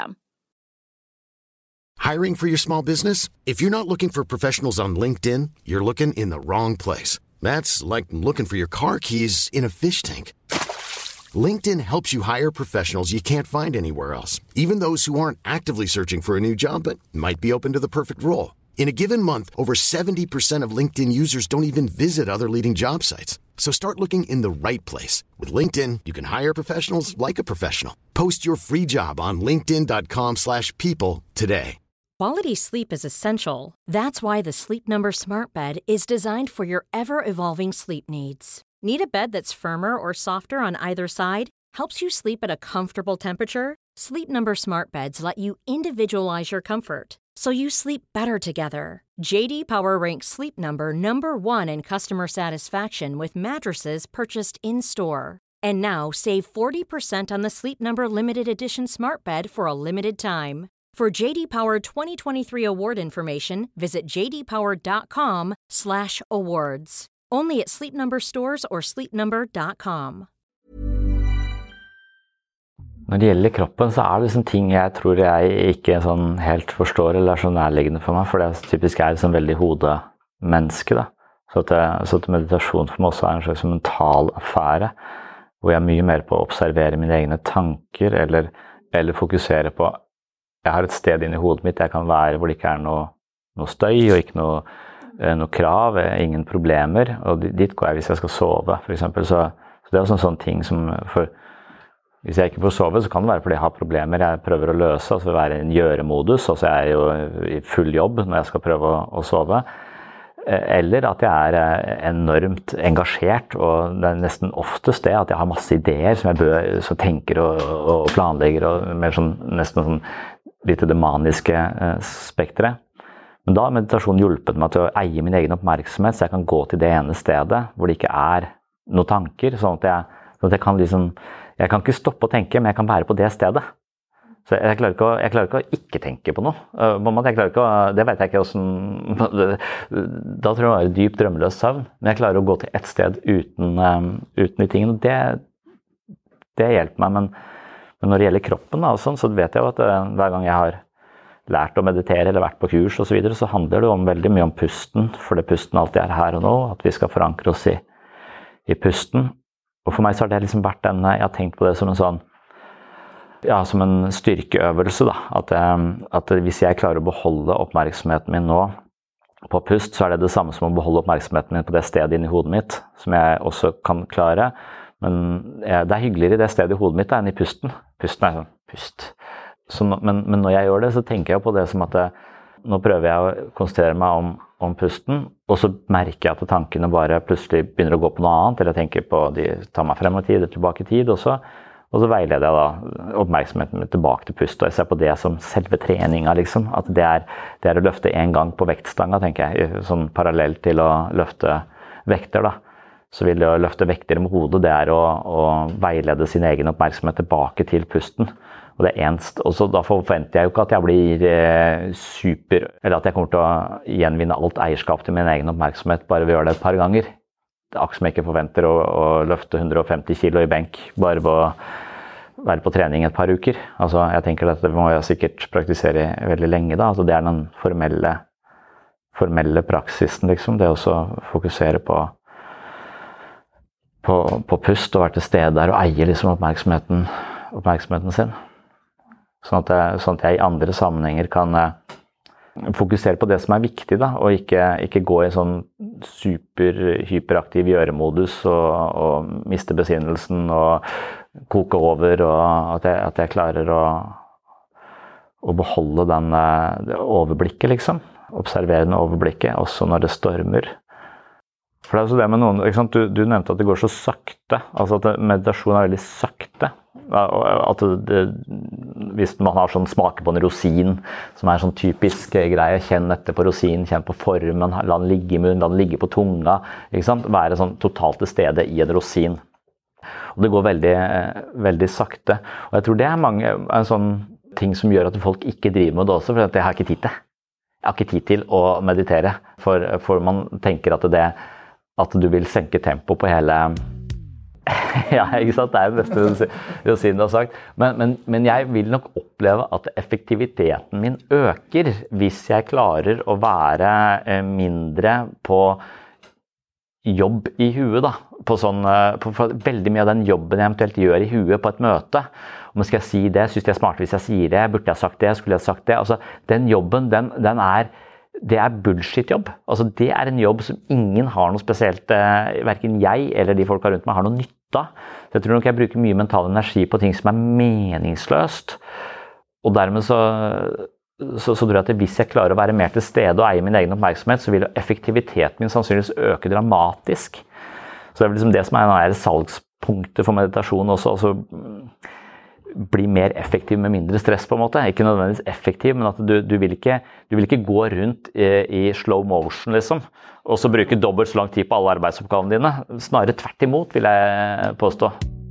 Ja. Og så har du veldig masse forskjellige varianter også. Altså, det er kroppsskanning, det er pusten. Noen mediterer på medfølelse, noen mediterer på kjærlighet, noen mediterer på et mantra. Det er så veldig mange forskjellige typer meditasjon som man ofte også tenker kanskje ville være til hjelp for uh, ulike utfordringer også. Så jeg husker jeg fikk beskjed om ha, at sånn mantrameditasjon var uh, fordi at jeg, de mente at det var vanskelig for meg å stenge mitt eget hode. Og at jeg, at jeg er såpass uh, mye i hodet at det å bare si en setning for meg selv vil være en måte å, å, å dempe den galopperende tankevirksomheten min på. Så jeg vet ikke om det har hatt noen eh, Jeg tror ikke jeg klarte å følge det, det rådet. Men, eh, men, det er jo, eh, som, kanskje for dere som er interessert i psykologi, da, så er det mer den introspektive meditasjonen også. Den, den, ideen om å se sitt eget indre liv som en Ja, være en slags observatør. Prøve å hvile som en observatør til meg selv tenke, liksom. Eller til, til alt det som foregår i bevisstheten. Og den, eh, for, for, nettopp fordi at det er i den observasjonen av meg selv at jeg også langsomt skjønner at ego er en mental konstruksjon som jeg ikke trenger å være så og, litt på samme måte som at hvis du stirrer på en maurtue, da, så virker det jævla kaotisk. Men hvis du er forsker og har sett på den maurtua i, liksom, i årevis, så skjønner du liksom sammenhengen. Du skjønner at noen har for seg noen som holder vakt, og de jobber med det, og det er noen håndverkere. Liksom, sånn. du skjønner at det er forskjell på maure også.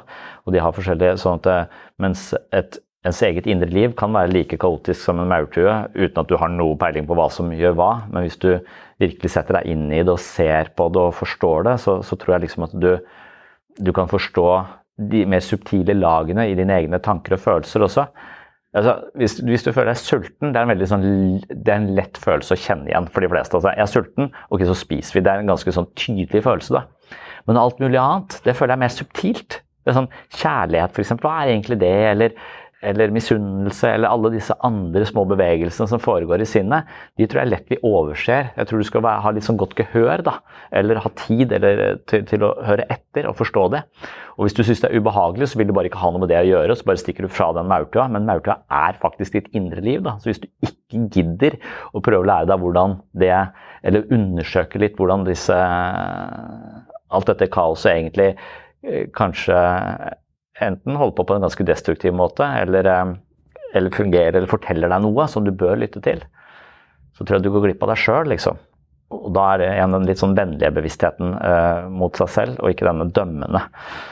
Og så Med en gang du er denne kritikeren og begynner å sammenligne og analysere osv., så, videre, så, så så tror jeg det bare du, du driver med ja, du, du, kan jo si, sikkert si at ja, jeg har en diktator inni meg, et superego som vi snakket om tidligere. Eh, det er helt forferdelig. Eh, det er som eh, Kim Il-ung. Altså det, det, er en nordkoreansk tendens i min egen indre diktator. Den skal jeg sable ned, og så går du til krig mot den diktatoren med en annen diktator som da overtar. Så du har liksom ikke, du har ikke fått noe demokrati, du har fått en ny diktator som tilsynelatende virka litt snillere i starten, men det er fortsatt den samme ja, du, du, er, fortsatt dømmende til stede da, i ditt indre liv. Du er ikke åpen og interessert og nysgjerrig. Altså sånn, du, opp, du, er ikke i opplevelsesmodus, du er fortsatt i en dømmende modus da, når du driver og analyserer deg selv. Og da, da må livet bli Jeg tror det er det som altså, Når folk går på Nav og sier jeg blir sliten av å, av å jobbe, så er det jo ikke fordi at de skal, altså, det er så tungt. Det er jo fordi at de er på jobb Altså de, de, de, får én jobb, og så har de den andre jobben i tillegg. Så de jobber 200% hele tiden. De jobber med å vurdere om jeg er god nok eller ikke god nok. Hva skulle jeg sagt, skulle jeg gjort? I tillegg til at de skal gjøre den jobben som kanskje handler om å kjøre ut mat, eller, eh, eller sortere inn hyller, eller eh, holde på med dataprogram. Altså, hva, så de, de, gjør jo Og det å jobbe 200% det er sikkert eh, Det, det skjønner jeg. At det er liksom å si at jeg kan ikke jobbe på dette kontoret fordi jeg jobber 100 eh, fra før eh, med meningsløse ting i mitt eget hode. Eh, og, og, selvkritikk. Så, så dermed så, så, må jeg bare droppe, droppe den jobben. Ja, men hvorfor dropper du ikke bare den jobben på innsiden, og så kan du gjøre, gjøre, den jobben? For den jobben får du faktisk lønn for. Det gjør du ikke for den eller andre destruktive jobben du driver med. Nei, jeg er så opptatt, det har liksom vært mitt livsprosjekt da, å kritisere meg selv og, og, analysere ting og sammenligne meg med andre og føle meg udugelig. Så det, det er litt det, det, ligger, det ligger, litt eh, tungt til brystet å forlate den stillingen der, sånn som jeg nå har besatt. Og hvem skal gjøre den hvis ikke jeg gjør den? liksom? Det, der tror jeg mange mennesker er. Der tror jeg alle mennesker er litt. Men graden på hvor mye tid vi bruker på denne parallellprosesseringa, og den tror jeg er forskjellig fra person til person. Jeg, synes det der eksempelet, jeg husker ikke om det denne podkasten, vi har snakket om flere ganger før, det er hun der Sally AD fra den der eh, New Scientist, eller hva hun der at det er en, det er en sånn uh, interessant, mer sånn konkret uh, forståelse av hvorfor, hvorfor, det å være til stede uh, fungerer. Så det var hun der som var det i Ohio, hvor det var denne militærbasen i USA, hvor de hadde fått denne transkraniale hjelmen som skulle skru av det narrativet selve. Det var det som var ideen, ideen deres. Jævlig sånn ja, militær holdt på med alt mulig rart. Eh, LSD og transkraniale hjelmer for å få folk til å drepe andre mennesker mer effektivt. Det er målet deres. Eh, men kanskje de kan bruke det, de tingene de finner ut av på en annen måte også. Så hun, hun Sally, som hun het, da hun kom på den militærbasen, kommer inn i en sånn gigantisk simulator eh, hvor, hvor, virke, hvor, du står med en sånn rifle og skal skyte IS-soldater.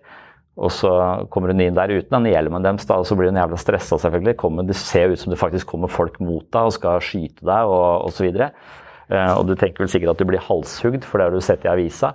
Så, så, til slutt så bare ga hun opp, la seg ned og så bare ropte 'jeg må ut, jeg må ut', livredd. Og så fikk hun prøve da en gang etterpå med denne hjelmen, som da visstnok skulle skru av denne Altså det skulle det, det, skulle hjelpe henne å være til stede i nuet, da, og ikke i disse Å, hva skjer nå? Hvorfor det? Hva burde jeg gjøre? All den der støyen. Den mentale støyen. Så når hun fikk på seg den, så var hun der inne. altså Hun trodde hun hadde vært der et par minutter, men hun hadde vært der i 20 minutter, og hun hadde drept alle IS-soldatene. Eh, når hun kom ut, så, så, så var hun jo helt sånn paff over at du spurte åssen gikk det. Ja, du drepte alle. Det var, det var helt sånn. Så hun var til stede i det hun holdt på med, så hun ble jævla god på å drepe folk hvis hun ikke var sånn kritisk til seg selv. Og Det er, liksom, det er interessant, for at hvis det går an å skru av den delen, så tenker du vel kanskje at de har skrudd av nettopp denne gjøremodusen, denne vurderinga, denne selvkritikken. Og hun sa jo også i etterkant at det eneste jeg ville, var å komme tilbake og få låne den hjelmen. For den hjelmen der trenger jeg ikke for å drepe folk, men bare i hverdagslivet mitt. For det hadde så stille inni seg. Det hadde hun aldri opplevd. Så da kunne hun være til stede i akkurat det hun holdt på med. Og ikke forstyrres av en eller annen sånn Nei, det får du ikke til. Nei, nå må du passe deg. Alt det derre støyet der sånn. Så, så, var hun ekstremt mye mer effektiv i det hun skulle gjøre. Det, det syns jeg er interessant. at det, det, er en Jeg skulle ønske jeg hadde den hjelmen, for det første. Nå har jeg fått min egen hjelm, da, som er denne, disse, disse brillene. Jeg tror at eh, mindfulness er noe som du eh, praktiserer som en slags trening i starten. Og så langsomt så tror jeg det kan bli et slags livsperspektiv eller en slags modus som, eh, som, du kan ha med deg inn i mye av det du gjør. Og for meg så er det det motsatte å koble ut. da. Jeg kobler ikke ut i situasjoner, jeg kobler inn i situasjoner. Så, så for meg så var det tydeligst i sommer. altså Da skulle jeg jeg tenkte kona mi trenger litt fri, så jeg tar med meg tre barn og reiser til Danmark en uke alene med de tre barna. Og det, er egentlig, det er egentlig et prosjekt, Hvis du kjenner mine barn, så tenker du at eh, noen kommer til å dø. altså Det, det går ikke. altså det, det, er stein umulig å være alene med de, med de eh, barna. Og det var jeg så eh, på en måte eh, klar over at det var et litt sånn hasardiøst prosjekt. Men jeg var såpass um, innstilt på å klare det også, så jeg var liksom innstilt på å ikke ha noe særlig kontakt med telefonen eller sosiale medier eller, eh, eller noe sånt. Jeg skulle bare være kobla på. Jeg skulle bare være i aktiviteter sammen med de for å, for å håndtere dette da, på best mulig måte. Og da, ja, vi har aldri hatt det bedre sammen. Altså, er, det var den fineste uka i hele, hele, sommerferien. Jeg var liksom 100% påkobla de, og de var påkobla. De merka det. Altså, det var ingen Alt det som vi pleier å ha konflikter og faenskap, liksom, det, det, forsvant ikke fordi jeg Det var fordi jeg kobla meg på. Så det ble en helt annen opplevelse. Normalt sett så prøver jeg å koble meg av så mye som mulig. ikke sant? Jeg bare, åh, nå må jeg ha en pause bort. Jeg prøver å være av og til et annet sted enn der jeg, enn der jeg er. For jeg syns ikke at det der jeg er, eh, nødvendigvis alltid er så interessant. Da. Men, eh, men, men, da skjønte jeg litt hva jeg har gått glipp av, og hvordan den flukten ut i noe annet også bare forringer livskvaliteten min og andre sin livskvalitet. Så, så, det er vel det derre Vi har nok en tendens til å prøve å fjerne oss fra smerte, ikke sant? men det å være det Mindful vil være det motsatte. De vil være å Det har jo så veldig mye sånn effekt på smertelindring osv. Så, videre, så det, det har jo den fysiske biten av det også, men det også ikke prøve å, å sperre for smerten eller unngå smerten, men faktisk bare å tillate den. At det er en, å koble seg på den istedenfor å prøve å unngå den det, det, tror jeg har en, det, jeg tror en holdningsendring du gjør der. Og, og, det tror jeg kan ha ganske gjennomgripende effekter på, på livet ditt. Og jeg tenker det er litt sånn det er, altså, det er derfor jeg er så opptatt av at folks indre liv altså Jeg er opptatt av humor. Jeg pleier alltid å putte inn en eller annen komiker. Jeg er opptatt av at det skal være mer lekent. For at det, veldig mange har så alvorlig forhold til tankene og følelsene sine. For de så de har opplevd at det er så jævlig alvorlig, for de har blitt banka eller de har blitt mobba. Det har vært jævlig alvorlig. Men alt det som foregår der inne nå, hvis vi har et sånn alvorlig, sånn rigid forhold til det, så blir vi redd for det, og vi får et sånn unaturlig forhold, eh, forhold til det. Så, så det også uh, istedenfor å Da vil vi prøve å vike unna vonde tanker og vonde følelser. ikke sant? Vi vil prøve, mens, mens vonde tanker og følelser det, er, det kommer og går. Det er som været. altså Det regner i dag, det er ikke 101 ute. Det kan bli sol i morgen. Hvem vet? liksom Ikke, ikke tenke at nå er, eh, nå er alt over. Så det å ha et nysgjerrig forhold til sitt eget indre liv, da, og koble seg på det Nå kommer, den, eh, nå kommer angsten. Interessant. Det er spennende. Nå skal vi se hva som skjer. Kommer jeg til å miste følelsen i beina så jeg faller om foran disse menneskene? Eh, det kan bli ganske spennende. Altså hvis du, hvis du går inn i det istedenfor å prøve å stritte imot det, så tror jeg ikke det slår deg så hardt heller. Jeg, tror det er sånn, tror f.eks. sosialangst det tror jeg er noe vi prøver å unngå så langt det lar seg gjøre. Og når det dukker opp ubehag i møte med andre, så prøver vi å vri oss. Vi går i krig med oss selv, så vi blir vår egen verste fiende. Vi kriger med oss selv i tillegg til å prøve å opprettholde fasaden ut mot den andre. Istedenfor å faktisk gå inn i det og undersøke det, være nysgjerrig på det og, og se på det som mulighet til å, ja, til å forstå den maurtua som er vårt eget indre, indre liv. Så hvis vi har en mer medfølende holdning til oss selv der, og så en mer nysgjerrig og åpen holdning, så tror jeg vi, tror vi har løst eh, mange av utfordringene våre. Men det er lett å si.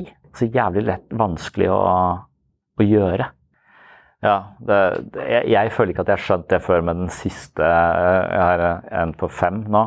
Hun er yngst. da. Og så Det å komme seg gjennom det badekveldsregimet med å pusse tenner og alt mulig sånt noe, det, det, tar jo sin tid, da.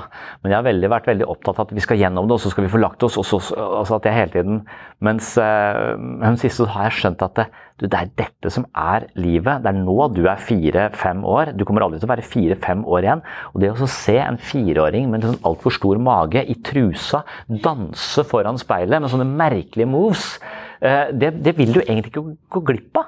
Men, men, hvis du hele tiden har fokus på å komme deg gjennom det og komme til noe annet, så går du glipp av det hele tiden.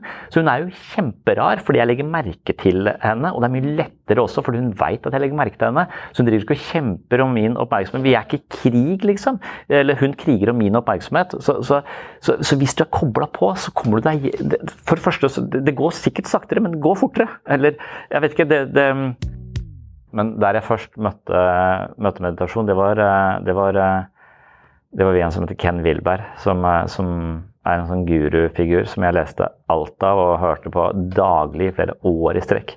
Han er litt gæren. Han ligger litt sånn der Nei, han er en fin fyr, men han virker litt sånn guruaktig og litt i det alternative landskapet. Så etter hvert som jeg var for lenge på universitetet, så forlot jeg han litt, da. Men, han, men så var det så, så syns jeg han Eckhart Tolle snakker om det på en artig måte. Altså, han er en rar skrue. Han snakker om ego på en sånn måte at jeg forstår at ah, jeg er ikke egoet mitt, jeg er ikke tankene mine. Og så Sam Harris, som er en sånn hyperrasjonell fyr som, uh, som, jeg liksom stoler på, og som jeg tør å, uh, å følge da, når, i denne meditasjonsprogrammen hans.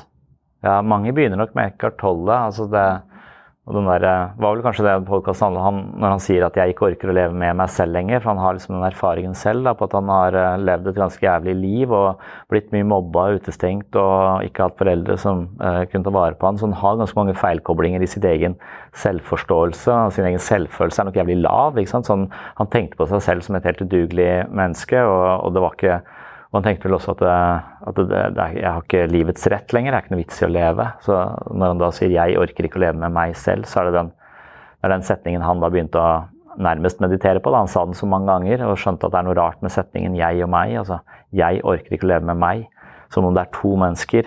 Altså at jeg som ikke orker å leve med et meg. Og da er spørsmålet, hvis du da tar livet av kroppen din, så tar du livet av både jeg og meg. Men så tror jeg på et eller annet tidspunkt skjønte at jeg må ta livet av meg. Altså der jeg observerer meg, og er, denne, det, er denne, det er dette ego som uh, må dø og, og gjenoppstå. Da.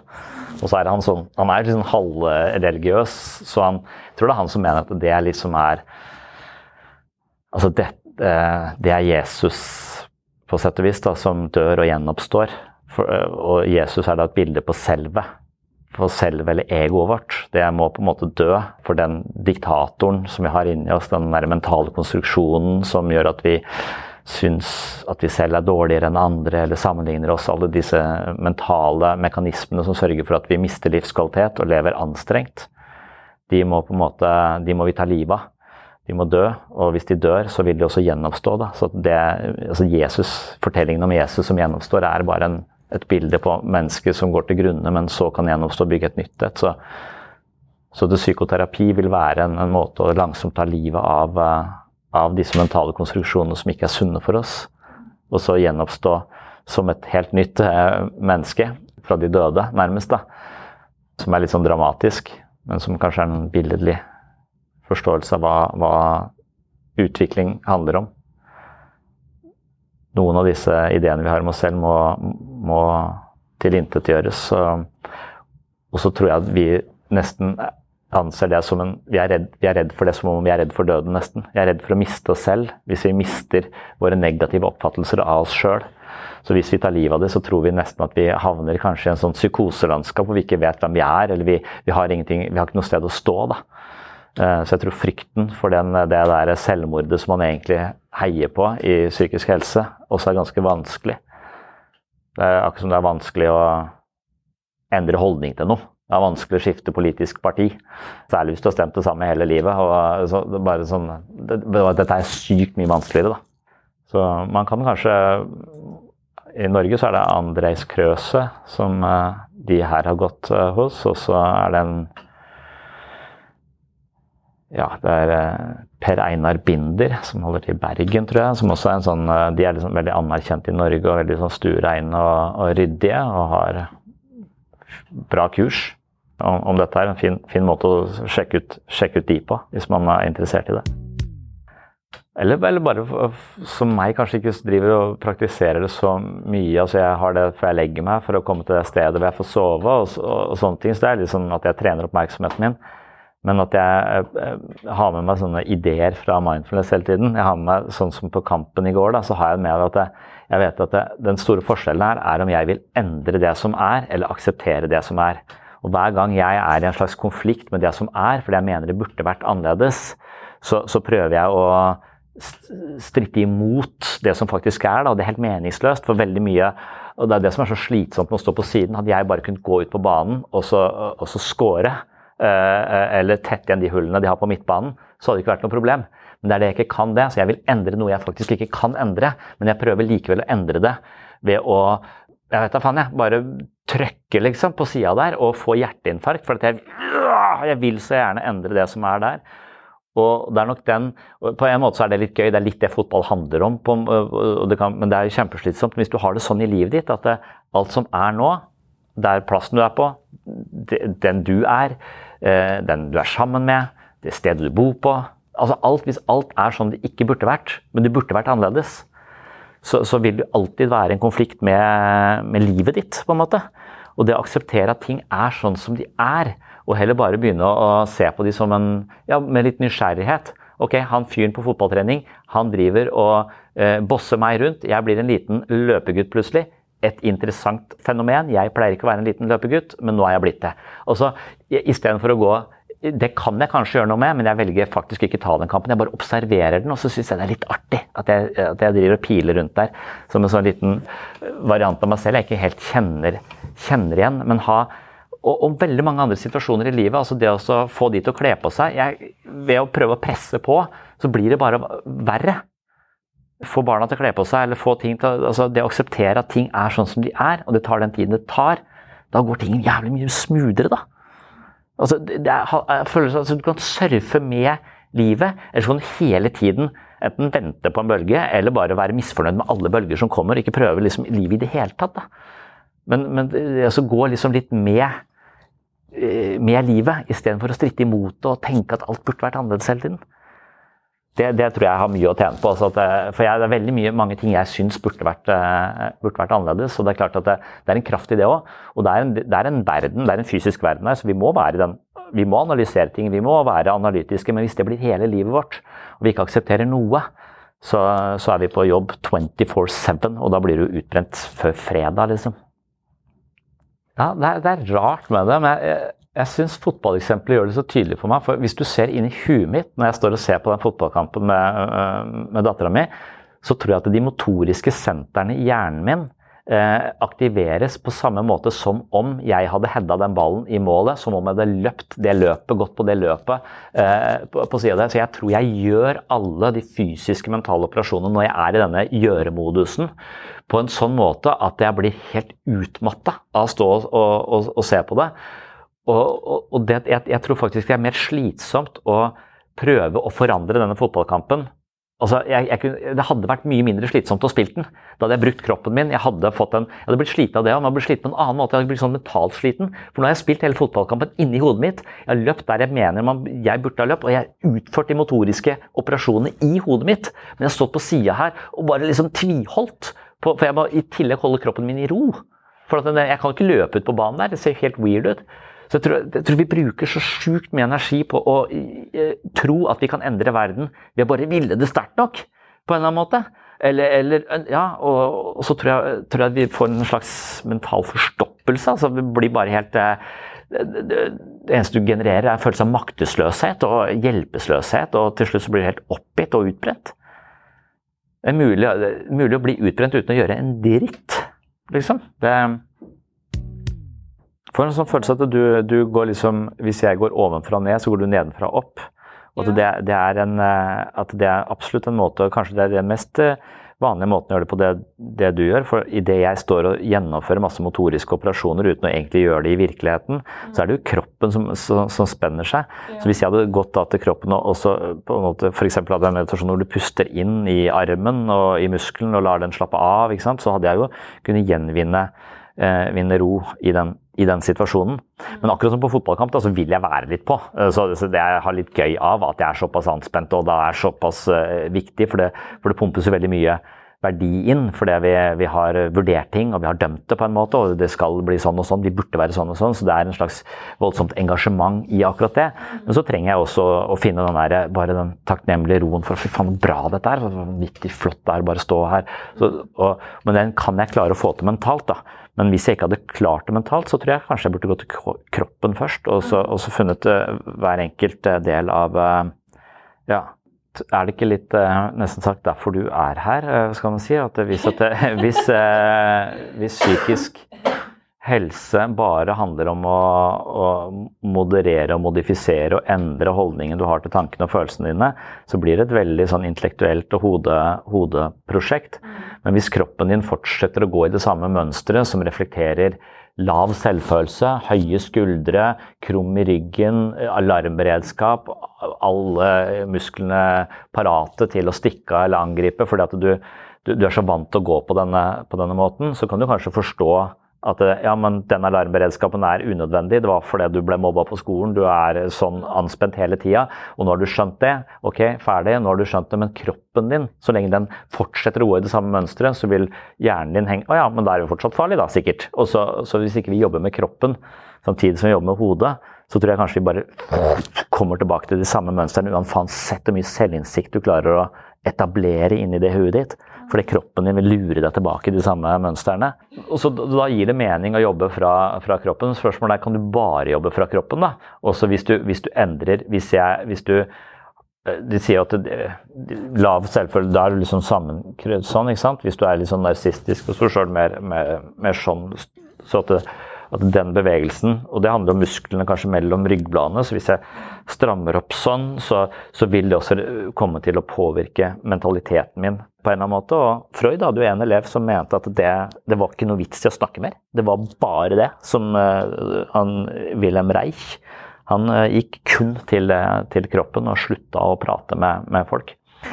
Men han begynte jo å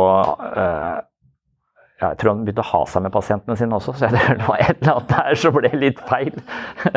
så, um, men ja, for der er det jo litt forskjellig på Østen og Vesten. altså Dalai Lama-gjengen de vil jo bare at vi skal meditere så mye på kjærlighet at det ikke er plass til hat. på en måte, for du kan ikke, altså, så, sånn at eh, De kultiverer jo eh, aktivt positive følelser, og spesielt takknemlighet og kjærlighet. Og tenker at det bare skyver ut de destruktive følelsene ut i periferien, så de får liksom ikke noe fotfeste. da. Som kan virke som litt Mens i, i vår forståelse så vil det virke som en litt sånn en unnvikelse av seg selv. Mens jeg ville tenke at det er kanskje litt den radikale aksepten av alle følelser som oppstår. At du, du tillater deg selv å være sånn, sånn, sånn. Du har, et, du har ikke et politi som sier hvor Du har ikke ditt eget politi som tvinger deg selv til å være på en bestemt måte. Og hvis du klarer det, og klarer å være mer hel, og være den du er der og da, så tror jeg kanskje at du, eh, du i utgangspunktet tenker at det, kan jeg ikke, for da vil ikke folk like meg. Men jeg tror kanskje at det, hvis vi kommer over det og faktisk praktiserer å være den vi er, så tror jeg ikke vi går rundt og er så sure, f.eks. Altså jeg, tror det jeg tror det er grunnen til at vi hele tiden driver og holder oss selv altså, jeg, For meg så virker det som en slags forstoppelse. Hvis du ikke går på do sånn jevnlig, det, det, spør legen om. Du, har du jevn avføring? Altså, ja, det, for hvis du ikke har det, så blir du forstoppa, på en måte. Og da går du rundt sånn og holder altså, da, er da er du helt Da er du stivna, og, og du er litt sånn halvsjuk. Og jeg føler det kanskje også er med måten vi er på. Hvis vi hele tiden prøver å være på en bestemt måte, så, så, så vil vi hele tiden være i denne gjøremodusen. Jeg må være sånn, jeg må være sånn, jeg må være sånn. Vi er ikke til stede i noe som helst. Og jeg tror det forsurer hele miljøet inni oss. da. Så hvis vi hadde tillatt oss å være sånn som vi er, totalt, så tror jeg vi hadde blitt en bedre variant av oss sjøl. Jeg, jeg, tror det er baseline til mennesker. Hvis jeg hadde vært fri, så tror jeg jeg hadde vært hyggelig. Hvis jeg hadde vært i mitt eget uh, sosiale fengsel, så hadde jeg vært forstoppa, altså det smilt på en sånn falsk måte med tenna sammen og vært passivt aggressiv, tenker jeg. Så jeg er enig med deg. altså at eh, Hvis du går rundt og holder på denne maska, så, så tror jeg at det blir Du vil føle deg falsk. Eh, og jo mer du gjør det, jo mer forstoppa blir du. Og til slutt så kan du ikke stå i den butikken, for du kommer til å drepe neste kunde. du er ikke fornøyd med den salva, nei? Kom her litt. ja, at, eh, som vi snakket om sist, fake it till you make it. Ja. Eller må du være gjennomsiktig? ja, det kan du, kan du si det. Altså, nå har jeg akkurat tatt et hespetre her inne, og nå kommer du. Og jeg skjønner, Det er ikke nødvendigvis at du er det samme hespetreet som hun som akkurat gikk ut. Ser du hun som er ute på parkeringsplassen der? Hun er en mare. Men nå skal jeg prøve. Men det henger litt igjen, så hvis jeg er uhøflig, så er det pga. hun er heksa der ute. Kan man liksom si det til neste kunde? Det kan jo være at den kunden hadde gitt en forståelse for det, og i hvert fall ikke tatt det på sin egen Are you overwhelmed? And is your regular meditation app not calming you down? We have a solution. Introducing the Godfried Meditation app. Simply choose a meditation, and the calming voice of Gilbert Gottfried will guide you on your journey. Feel a building wave of ease and calm. Imagine your first enema. The tube it's entering your anal cavity. We offer meditation for all of life's challenges. Imagine liquid sunlight drenching your body like a mental golden shower. Observe the power within you and let it bring your intentions into reality. And then fucking focus, dipshit! Feel your heavy eyelids yanking you down into a black hole like a great cum. If you prefer a backdrop of natural sounds for your meditation, Gilbert does that too. Wah! Wah! Splash! Splash! Ding, ding, ding, ding, ding! Ding, ding, ding, ding, ding, ding, ding! Ah! Ah! I'm a dolphin! Ah! And for a limited time, premium subscribers can unlock an exclusive guided meditation pack the Fran Drescher Meditations. Take a cleansing breath in and breathe out discomfort.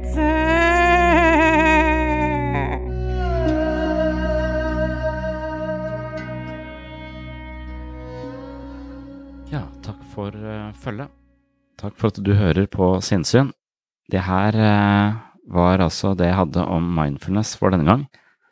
Det var jo en eh, periode for eh, en del år siden jeg var veldig interessert eh, i meditasjon og mediterte mye. Gikk på flere kurs, holdt selv kurs. Så falt denne formelle praksisen litt ut for meg, kanskje i livets kjas og mas. Det burde du jo selvfølgelig ikke ha gjort, det er jo nettopp da man bør opprettholde denne typen rutiner. Men når jeg nå laget en ny episode på mindfulness og meditasjon, så ble jeg litt eh, inspirert. Jeg eh, gikk eh, på et nytt kurs og har ja, innimellom fulgt Sam Harris via hans app. Den har jeg brukt ganske mye. Han ser jeg på som en fornuftig fyr, og han har mange fine måter å snakke om meditasjon på. Han har også mange gode praksiser som jeg kan ha på øret når jeg har anledning til å meditere. Men eh, jeg har eh, også nå blitt litt inspirert til å starte å meditere igjen. Og det vil også si at jeg har eh, ja, gjennomført et nytt kurs og er nå interessert i å starte opp en ny meditasjonspraksis. og det skal jeg gjøre inne på patron.com for segs sinnssyn. Så hvis du har lyst til å være med på dette meditasjonsprosjektet, så kan du også få med deg det inne på Patron. Der kan du også få med deg masse annet, altså det er masse ekstra episoder av sinnssyn osv. Det maser jeg om hver eneste gang.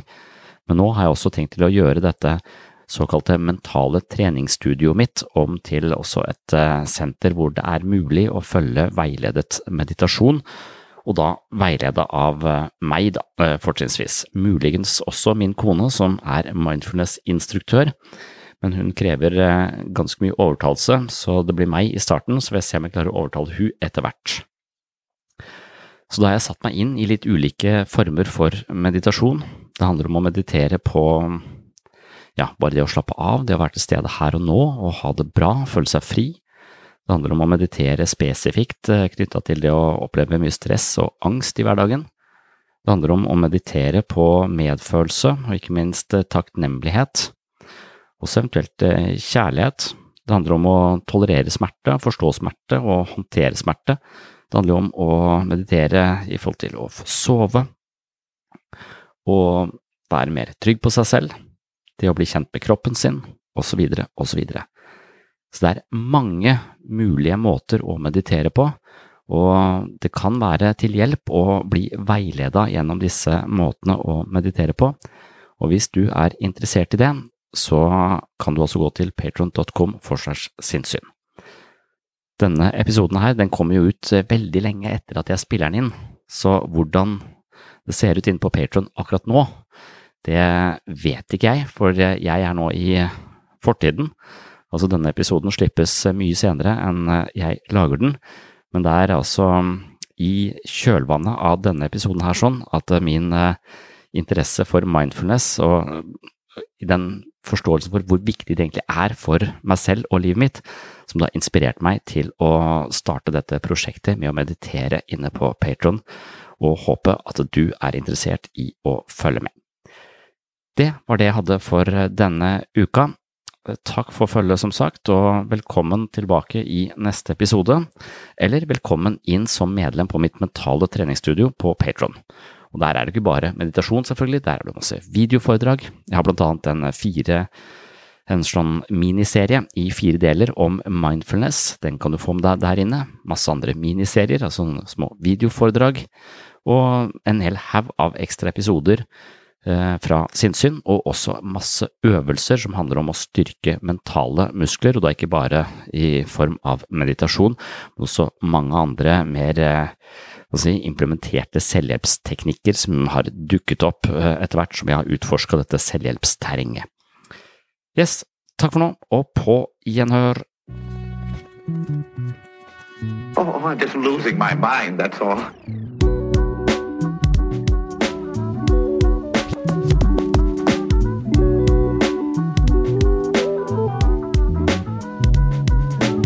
I can discuss some of the I can discuss some of the I can discuss some of the psychological aspects of the case. Psycho, psycho, psychological aspects